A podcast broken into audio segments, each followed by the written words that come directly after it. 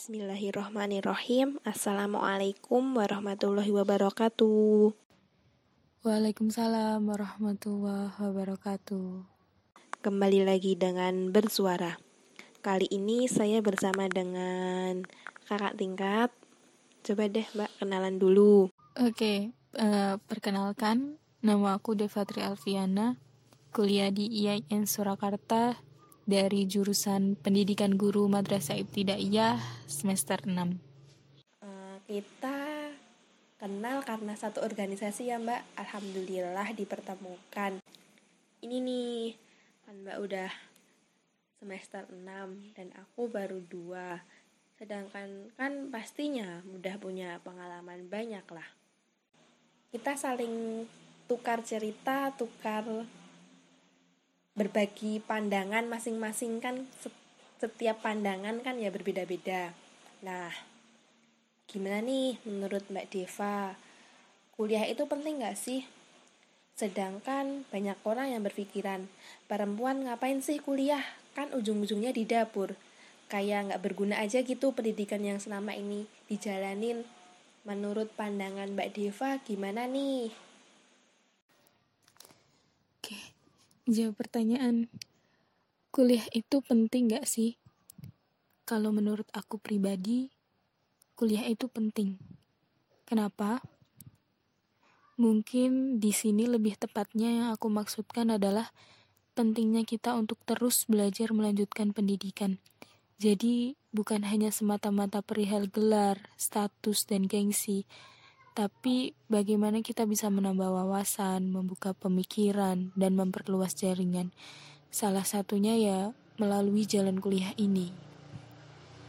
Lalu bicara soal perempuan dan pendidikan. Sebelumnya, setiap dari kita masing-masing pasti memiliki pemikiran dan pendapat yang berbeda-beda.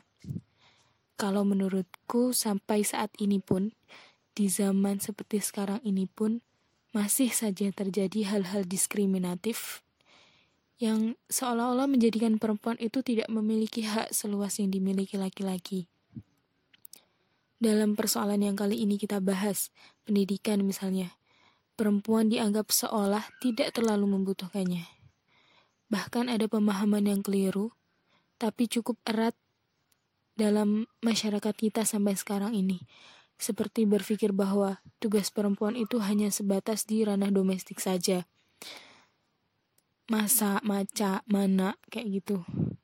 Lalu jika dilihat dari sudut pandang ekonomi, seorang perempuan berpendidikan tinggi yang mendedikasikan seluruh waktunya sebagai ibu rumah tangga nantinya, itu adalah sebuah kerugian besar. Bahwa Melepaskan pekerjaan dan pendidikan tinggi untuk menjadi seorang ibu rumah tangga adalah sebuah kesia-siaan. Belum lagi dengan pemahaman seperti perempuan seharusnya tidak perlu meneruskan pendidikannya tinggi-tinggi, sebab nantinya akan menyebabkan dirinya sulit untuk mendapatkan laki-laki yang mau menikahinya. Pokoknya pendidikan tinggi untuk perempuan itu nggak penting lah. Itu artinya perempuan secara konsisten selalu saja ditempatkan pada posisi yang lebih dirugikan daripada laki-laki. Seolah-olah tugas perempuan itu hanya itu tadi, sebatas di ranah domestik saja. Ini sudah bukan lagi zaman kolonial loh. Para pahlawan kita terdahulu sudah memperjuangkan pembebasan kaum perempuan dari kebodohan ke dunia ilmu pengetahuan, agar perempuan itu tak lagi merasakan keterbelakangan dalam pendi dunia pendidikan. Saya jadi ingat dengan salah satu kutipan Dian Sastro Wardoyo. Uh, begini kurang lebih kutipannya. Entah akan berkarir atau berumah tangga, seorang perempuan wajib berpendidikan tinggi. Karena anak kita kelak pun berhak terlahir dari rahim seorang ibu yang cerdas. Dan ibu-ibu yang cerdas akan menghasilkan anak-anak yang cerdas pula. Jadi jika dikatakan, perempuan ngapain sih kuliah? Kan ujung-ujungnya di dapur, ngurus anak. Nggak penting. Lah, emang dalam mengurus, rumah tangga kita nggak perlu ilmu? Emang dalam mendidik anak kita gak butuh ilmu? Bukankah perempuan-perempuan kelak menjadi guru sekaligus madrasah pertama bagi anak-anaknya? Bayangkan saja, bagaimana jika para perempuan ini tidak memiliki bekal pendidikan yang cukup. Apa kabar generasi masa depan nanti? Tapi perlu diingat, pendidikan tinggimu bukan berarti bisa membuatmu berbuat semena-mena terhadap sesamamu. Oh, inilah aku bisa kuliah, pendidikanku tinggi hingga meremehkan yang lain.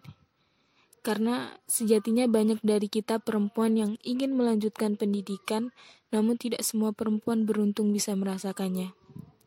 Sekali lagi, perempuan juga harus mengupayakan yang terbaik untuk hidupnya sendiri dan kelak untuk keluarganya nanti.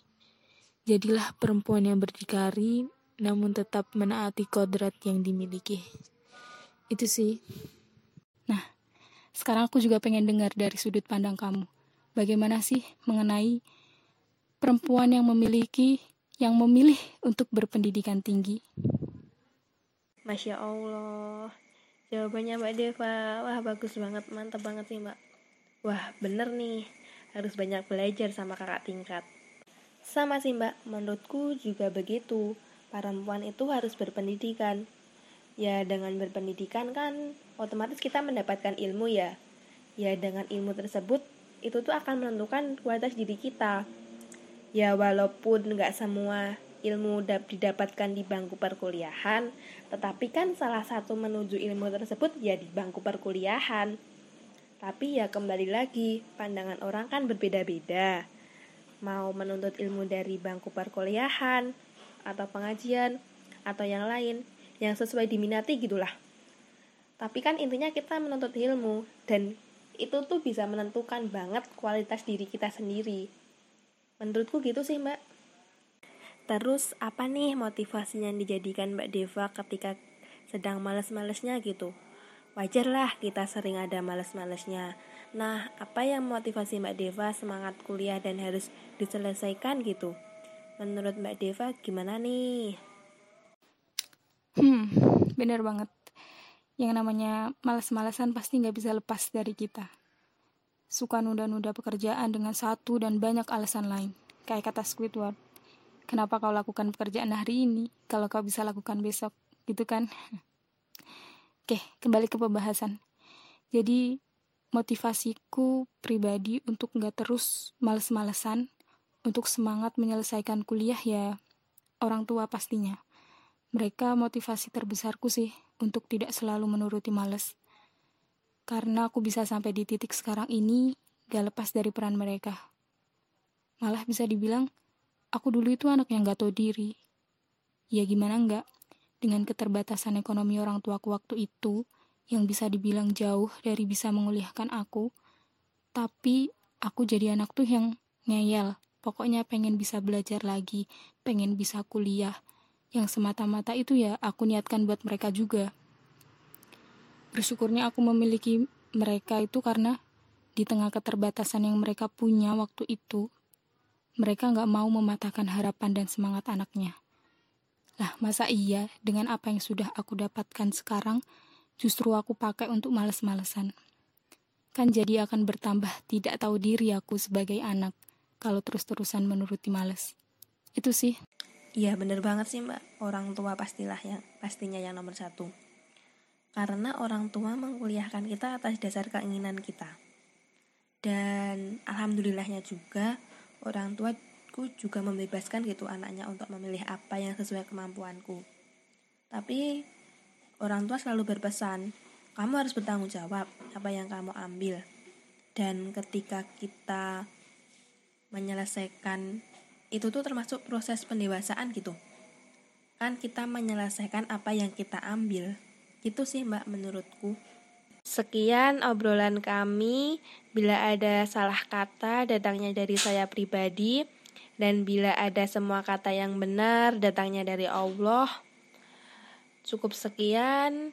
Semoga ada kebermanfaatan yang bisa diambil.